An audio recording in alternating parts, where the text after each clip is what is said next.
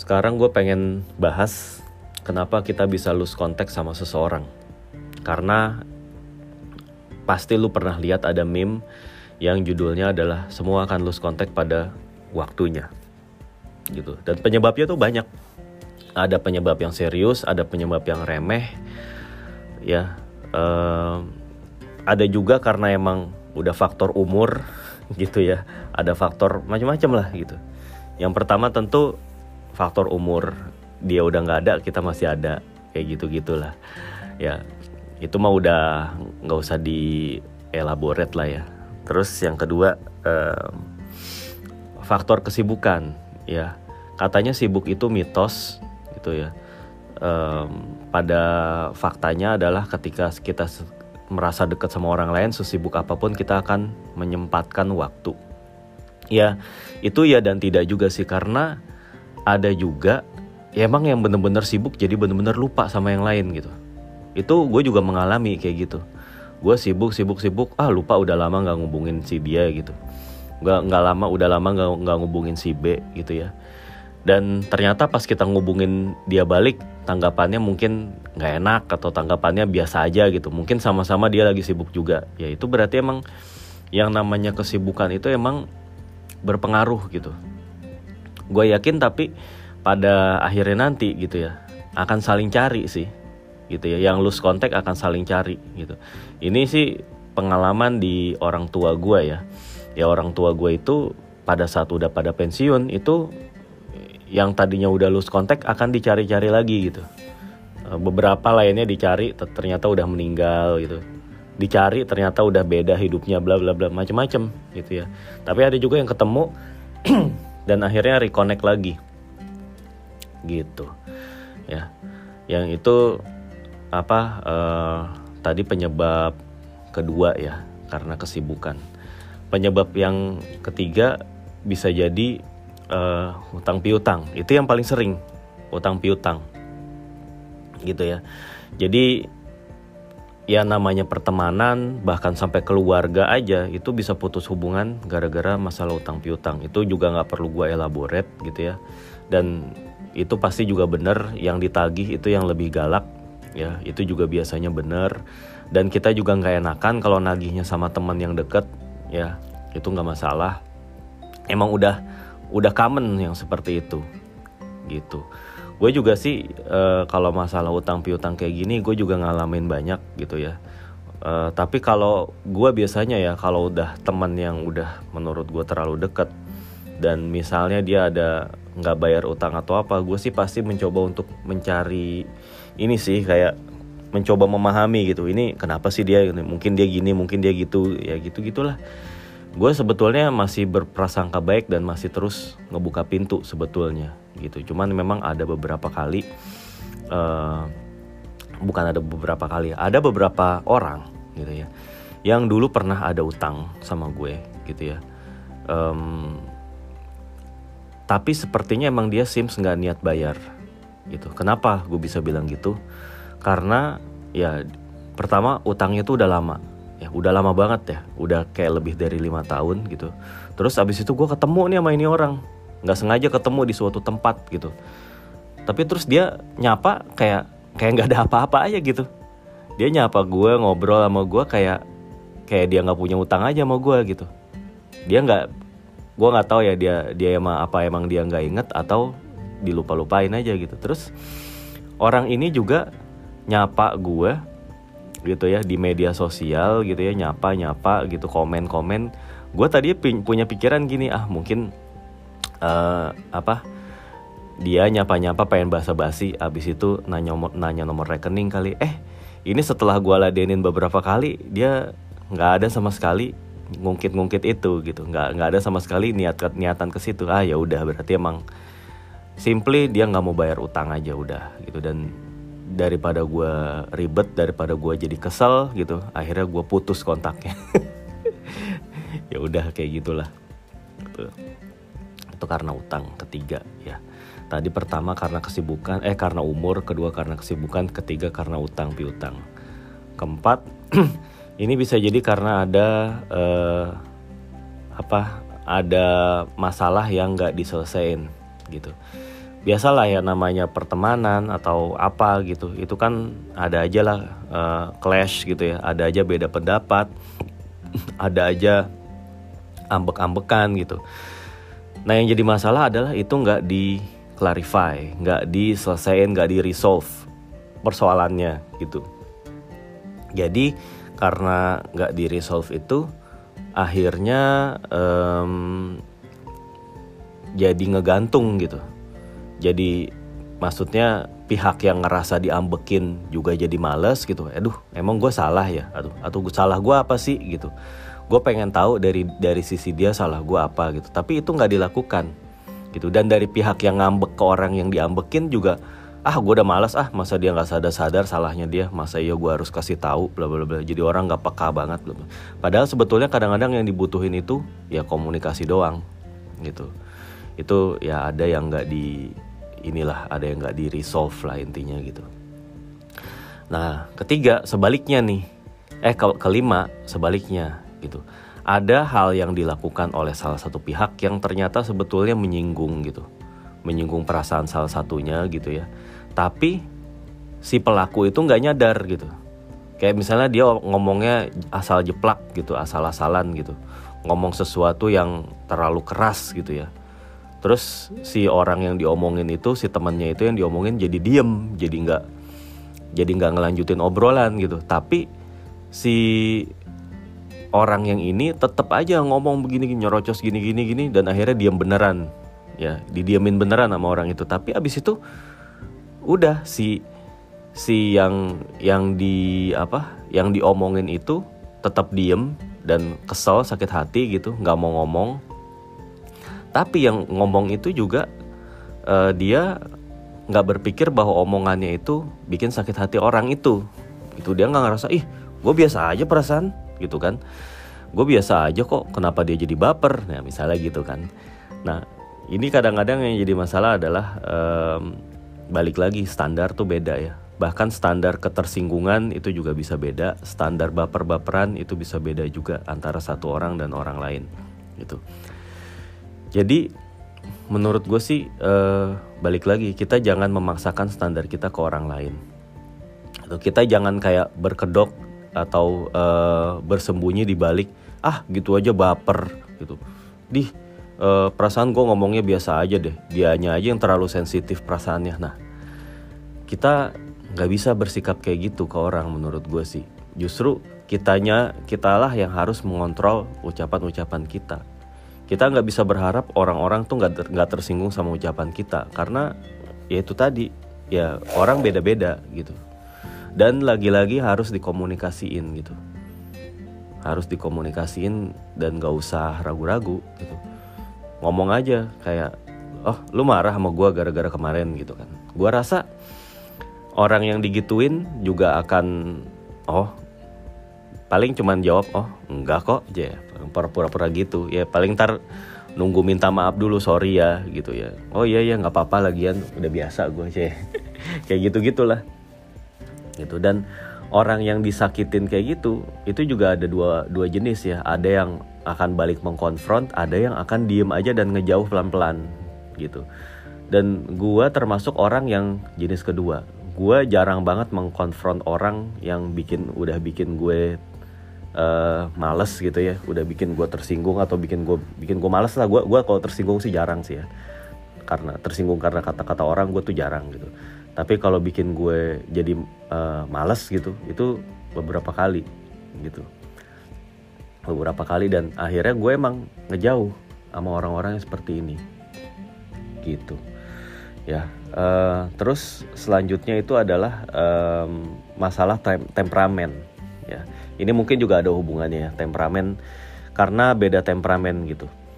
Ada tipikal orang yang ketika marah gitu ya, ketika dia nggak nyaman, dia langsung ungkapin gitu, ungkapin dan duar gitu, ungkapinnya tuh meledak gitu, sampai kata-kata yang nggak enak tuh keluar. Padahal eh, kesalahan yang dilakuin sama orang tersebut itu menurut gue biasa aja gitu, bukan menurut gue sih, tapi kesalahannya itu biasa aja. Kayak misalnya uh, janjian itu telat gitu. Ya emang janjian telat itu uh, itu salah gitu ya. Tapi dia marahnya tuh sampai marah banget gitu. Kayak yang udah marah yang gimana buat yang parah banget gitu ya? Gitu maksudnya parah banget. Ya bisa jadi emang dia adalah orang yang sangat uh, menghargai waktu banget. Jadi kalau uh, dia telat ngejemput segala macam itu uh, marahnya tuh akan marah banget gitu sampai segitunya gitu. Ya nah tapi uh, yang menentukan itu adalah ya balik lagi reaksi kita terhadap situasi gitu ya ya lu boleh marah gitu. Tapi kalau marah yang berlebihan gua rasa juga nggak baik sih. Gitu. Semua orang berhak kecewa marah gitu ya kesel gitu ya. Itu manusiawi kayak gitu. Tapi bagaimana lu melampiaskan ke orang uh, melampiaskan kemarahan lu ke orang lain apalagi itu teman lu sendiri itu itu yang harus dijaga gitu. Karena kita juga nggak tahu perasaan orang lagi-lagi gitu ya. Bisa jadi di depan kita oh kayak biasa aja padahal dia nyimpan sakit hati gitu. Nah itulah yang yang kadang-kadang juga nggak nggak disadari gitu sama orang gitu. Jadi banyak orang emang yang udah menyakiti seseorang tapi dia nggak sadar gitu. Dia nggak sadar kalau tindakan itu menyakiti orang. Nah gitu. Dan biasanya ya seperti yang udah gue bilang sebelumnya hukum law of attraction ya kalau kita senantiasa berbicara untuk nyakitin orang, berbicaranya nyinyir kayak gitu-gitu dan bikin orang jadi males gitu. Itu akan balik lagi ke kita, ke kita gitu. Kita akan ditemuin lagi sama orang-orang yang seperti ini gitu. Jadi kita akan terus nyakitin orang, orang akan nyakitin kita lagi kayak gitu. Dan itu bikin hidup jadi nggak nggak tenang gitu. Jadi makanya kalau kita suka diperlakuin begini sama orang ya mungkin ya semua balik lagi ke kita semua balik lagi ke kita kita memperlakukan orang lain seperti apa gitu sehingga sesuatu itu balik ke kita gitu seperti balik ke kita. Itu terus um, aduh kayaknya tadi gue udah ingat sesuatu tapi kok gue udah lupa ya. Uh, apalagi oh iya gini. Um, manusia itu emang makhluk yang uh, selalu ingat keburukan kalau kita ngelihat apa kalau kita uh, notice bahwa orang lain melakukan kesalahan sama kita gitu. Itu akan biasanya bisa bisa bukan biasanya ya. Itu bisa marahnya sampai luar biasa. Sampai dia ngelupain kebaikan-kebaikan yang udah dilakuin sama orang tersebut. Gitu. Itu gue sering mengalami seperti itu. Gue sering mengalami kayak uh, ya katakanlah gue ngelakuin kesalahan ke orang lain. Misalnya uh, apa ya misalnya bercandaan gue kelewatan gitu. Katakanlah gue bercanda sesuatu yang kelewatan yang uh, yang bikin dia kesel gitu. Ya harusnya gitu kan. Yang namanya bercandaan ya lu marah karena bercandaan itu ya udah marah aja pada saat lu dibecandain kayak gitu gitu. Ini enggak. Lu akan marah dengan uh, berlebihan gitu terus mengungkit-ngungkit yang lain gitu ya mengait-ngaitkannya dengan yang lain yang nggak berhubungan dengan perdebatan pada saat itu gitu ya. Dan akhirnya malah jadi bikin berantem hebat. Padahal uh, orang ini orang yang lu marahin ini gitu ya sebetulnya udah banyak jasanya buat lu gitu. Misalnya orang ini dulu suka nganterin lu pulang orang ini pernah nemenin lu ngerjain sesuatu pernah ngebantu lu di saat lu susah dan lain-lain. Tapi ketika lu ngerasa dia melakukan kesalahan ke lu seolah-olah kebaikan kebaikan kebaikan orang itu lu nggak inget gitu. Kalau gue gue uh, gue tipikal orang yang biasanya tuh lebih ingat kebaikan gitu. Jadi ketika uh, sebetulnya sih uh, apa ya hmm, bisa dibilang tembok gue tuh cukup tebel gitu untuk uh, apa ya untuk memutus hubungan dengan orang gitu. Gue layer gue juga banyak kalau ketika gue harus merasa gue nggak mau berhubungan sama orang ini gitu ya itu layer gue tebel. Gue akan lebih banyak ngeliat gitu kebaikan-kebaikan apa yang udah pernah orang ini lakukan ke gue. Gitu ya. Gue pernah uh, kayak misalnya gue punya gue punya teman kerja gitu ya atau gue punya atasan yang kadang-kadang suka marah-marah atau gimana biasalah gitu. Tapi gue ngeliat lagi oh dulu dia pernah ngajarin gue gini oh dia dulu dia pernah ngasih gue ini oh dulu dia pernah neraktir gue ini. Oh dulu dia pernah nolongin gue begini gini gini. Jadi segala sesuatu itu emang kadang harus dilihat uh, secara berimbang gitu. Oke dia emang suka bikin lu kesel begini-gini tapi dalam situasi yang berbeda oh ternyata dia banyak lebih banyak ngebantu lu nih. Gitu. Jadi harusnya emang lu ya lu memaklumi aja emang sifat dia begitu ya. Jadinya ya lu yang apa ya lu tinggal menyesuaikan tindakan lu ke dia gitu. Oh ya udah kayak gitu aja. Gitu kan. Hmm. ya emang kayak gini-gini tuh suka ngeselin sih. Kadang-kadang gue gue ngerasa iyalah orang bisa marah karena hal sepele padahal kita tuh selama ini udah ngebantu dia banget gitu. Kita udah yang uh, berbuat baik sama dia gitu tapi giliran ada hal sepele yang bikin dia kesel dari kita gitu. Itu seolah-olah kayak nggak ada seolah-olah dia kayak nggak ngelihat kebaikan kita ke dia gitu. Atau ngelihat kita itu nggak ada baiknya sama sekali sebagai manusia gitu. Terus jadi di wah di kata-katain lah di dimarah-marahin lah gitu dicela-cela lah. Nah yang kayak gitu-gitu. Nah terus um, yang bikin juga orang itu lose contact ya karena beda style. Udah beda style ya misalnya yang satu hijrah yang satu belum hijrah gitu. Itu itu udah pasti ada communication gap. Itu udah pasti sih. Udah pasti itu. Karena karena kan kalau orang yang hijrah itu macam-macam juga ya. Ada orang yang hijrah itu terus jadi ngeselin banget yang jadi judgmental banget jadi yang sedikit-sedikit mengharamkan mengkafirkan atau meng wow gimana banget gitu. Ada juga orang yang hijrah tapi ya masih mau ngerangkul masih mau berhubungan masih masih berusaha berpikiran baik ke orang gitu. Ada juga tergantung gitu ya. Tergantung orangnya emang gitu. Nah emang atau beda style misalnya uh, ada orang yang tiba-tiba suka dengan genre musik tertentu gitu. Ya genre musik tertentu. Padahal dia sebelumnya nggak suka. Nah sementara temennya itu nggak suka sama sekali sama genre musik itu gitu. Ah nggak gue nggak mau gitu. Nah tapi ternyata temennya itu jadi suka banget dan ngefans banget sampai yang oh tingkat ngefansnya itu udah yang parah banget. Bukan parah sih ya itu kayak penyakitnya ya parah. Tingkat ngefansnya itu udah yang fans berat lah intinya gitu. Intinya konsernya didatengin pernak pernik aksesorisnya dibeli gitu kan. Terus uh, dikit-dikit uh, kalau ngelihat ada billboardnya tuh foto bareng atau gimana gitu. Wah pokoknya sampai yang begitu-gitu banget. Tapi sementara kita sebagai temennya sama sekali nggak ngefans sama itu artis gitu. Nah itu juga kadang-kadang bisa jadi ya apa ya, bikin jadi beda style gitu. Akhirnya kan penampilannya juga berubah kan. Penampilannya jadi kayak ngikutin idolanya gitu kan. Ya, itu itu juga bisa jadi beda akan jadi beda. Nah uh, terus yang juga bisa jadi akan bikin orang itu akan lose contact adalah celah-celahan idolanya. Misalnya kita punya idola yang beda nih sama teman kita. Terus idola teman kita kita celak dia nggak terima. Nah menurut yang nyela ya apaan gue kayaknya biasa aja ngomong kayak gitu. Uh, apa lu nya aja yang baper gitu. Nah sementara yang dicela ya justru kayak ngerasa di lu kata-kata lu begitu amat gitu. Tapi lu nggak ngerasa lu salah gitu. Nah ya itu ada beda-beda kayak gitu. Ya. Dan biasanya kan gitu juga ya kadang-kadang uh, misalnya idola kita dicela nih terus kita defensive mechanism kita akan bilang ih kenapa lu cuman komentarin dia doang yang begini? Emangnya emangnya artis lain gak ada yang begini apa?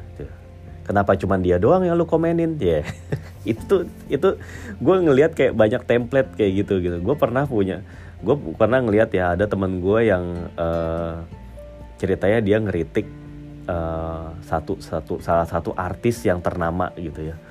Kenapa sih si artis ini uh, kalau bikin lagu itu kayak ngejual uh, story story pribadinya dia gitu? Kayak dijual di dijadiin kayak gitu kayak dikomersilkan cerita ininya dia gitu.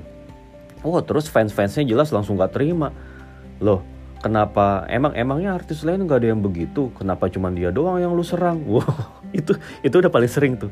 Kalau idola kalau idola idola lu tuh diserang tuh kayak yang gimana ya uh, langsung deh kayak gitu deh. Kesannya uh, ya orang lain juga melakukan itu kok gitu. Ya lu jangan senggol-senggol dia lah nggak nggak gue cuman kayak gue cuman lucu doang sama orang yang kayak gitu sih. Udahlah. Kalau gue sih uh, personalnya ya kalau idola-idola yang kayak gitu ya idola gue dicela kayak gitu. Misalnya gue punya idola uh, band metal gitu ya. Orang yang nggak ngerti metal itu biasanya akan ngomong ih musik setan gitu kan. Apaan tuh? Musik nggak jelas nggak ada nadanya gitu.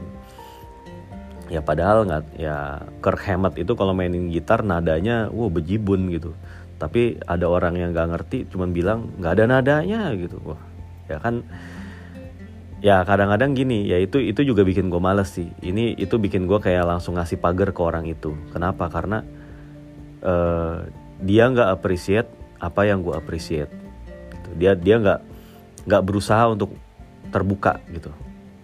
Dia udah kayak langsung pasang aja gitu si gelas penuh ini udah langsung pasang uh, argumen atau pasang uh, pernyataan wah musik begini mah begini gini gini gini. Wah artinya kalau lu udah ngomong begini udah ngomong pakai pokoknya udah ngomong yang judgmental kayak gitu sebetulnya orang ini tuh nggak ngerti apa-apa gitu. Dan makanya daripada gue capek menjelaskan ke orang ini gitu ya dan nggak perlu juga rasanya menjelaskan ke orang ini memberi penyerahan memberi pencerahan kepada orang ini ya udah jadi mendingan gue menjauh aja gitu. Itu ada juga yang seperti itu gitu. Jadinya emang uh, gue juga pada dasarnya adalah orang yang simple gue ngelihat diri gue sebagai orang yang simple ketika orang baik sama gue gue akan baik juga sama itu orang gitu. Tapi kalau ketika orang itu ngejauh dari gue gue itu jarang berusaha untuk meraih dia kembali gitu. Jadi menurut gue emang itu harusnya emang timbal balik. Timbal balik. Ketika salah satu salah satu pihak itu udah nggak mau berhubungan ya udah. Berarti kan ada sesuatu yang nggak nyaman yang dirasain ke kita gitu. Dan kalau gue ada di posisi itu gue lebih cenderung pasif. Oh ya udah kalau emang lu nggak mau kontak emang lu nggak mau komunikasi ya udah gitu. Tapi ya gue tetap kayak nggak juga langsung pergi ngilang kayak gitu-gitu. Gue tetap kayak occasionally akan yang ngirim ucapan lebaran ucapan puasa segala macem. Itu hanya setidaknya untuk mengetahui reaksi dia aja sih gitu. Reaksinya gimana nih? Atau uh, apa namanya cara dia berkomunikasi udah kayak gimana nih gitu. Apakah kita misalnya udah ngucapin lebaran ternyata dia reply-nya pakai template gitu? Oh ya udah gitu misalnya gitu kan. Gue padahal ngucapinnya udah personal tapi dia balasnya pakai template misalnya. Kan itu bisa jadi kayak kita kita jadi tahu gitu ya uh, kita di mata dia itu seperti apa gitu. Ya gitulah dan sekali lagi emang manusia itu makhluk yang kompleks gitu ya. Kita sulit memahami dan mungkin uh, di usia-usia seperti ini ya, usia 30-an, 40-an gitu. Kita jadi cenderung sebetulnya malas untuk berkonflik sama orang gitu. Kita udah punya banyak kesibukan, kita udah banyak prioritas yang lain gitu. Kayak kita lagi ngurusin keluarga, ngebangun keluarga gitu. Jadi emang prioritas kita tuh emang pasti ke situ tapi nanti pada akhirnya ya berdasarkan pengalaman orang tua gue aja ini sih gue belum ngalamin juga gitu.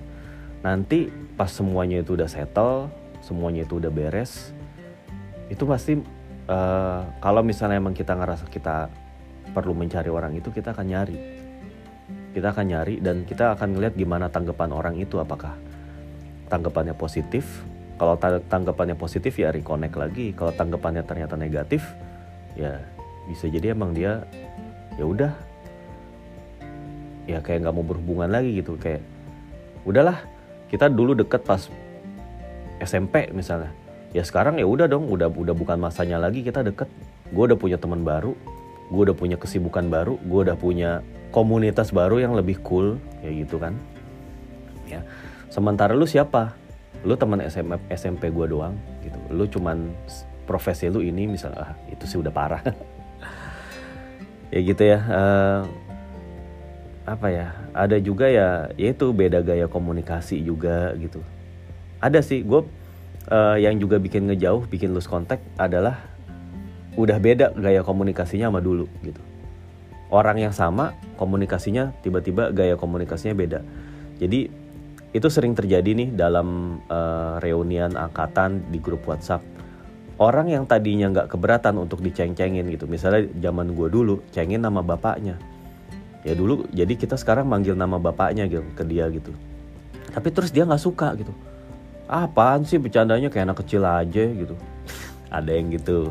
Nah, itu kan jadi kayak bikin orang oh gitu kan ada juga orang yang uh, ya dibe dibecandain nih misalnya uh, ceng-cengan ya dulu kayak naksir-naksiran gitu. Cie cie gitu. Terus jadi kesel. Iya apaan sih kayak anak kecil aja tuh. padahal mah harusnya santai aja ya kalau digitu-gituin gitu. Ya apa namanya uh, let it flow aja gitu. Kan kita sendiri juga tahu batas lah. Masa iya cuman gara-gara diceng-cengin kayak gitu terus jadi terjadi apa perselingkuhan gitu kan ya mureh banget gitu kan ya.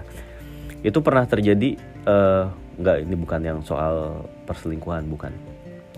Soal komu gaya komunikasi yang berbeda ini pernah jadi apa real story juga gitu. Jadi waktu awal-awal baru kebentuk grup WhatsApp gede di sekolah gue itu ada dua temen gue yang sampai ribut gitu. Gara-gara temen gue itu bercanda nah sementara yang satu ini terlalu serius orangnya gitu.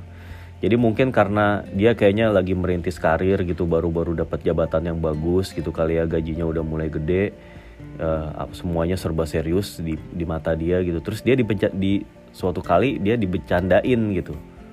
Dibecandain sama orang sama temennya dan dia nggak terima gitu. Dia kayak kesel apaan sih bercanda masih kayak begini aja? gitu. Sementara orang yang ngebecandain ya elah gitu santai apa sih gitu. Kayak gue pengen kayak dulu lagi gitu. Ya emang ya per, anta, beda pola pikir beda perspektif kayak gitu-gitu itu emang yang bisa bikin ngejauh gitu.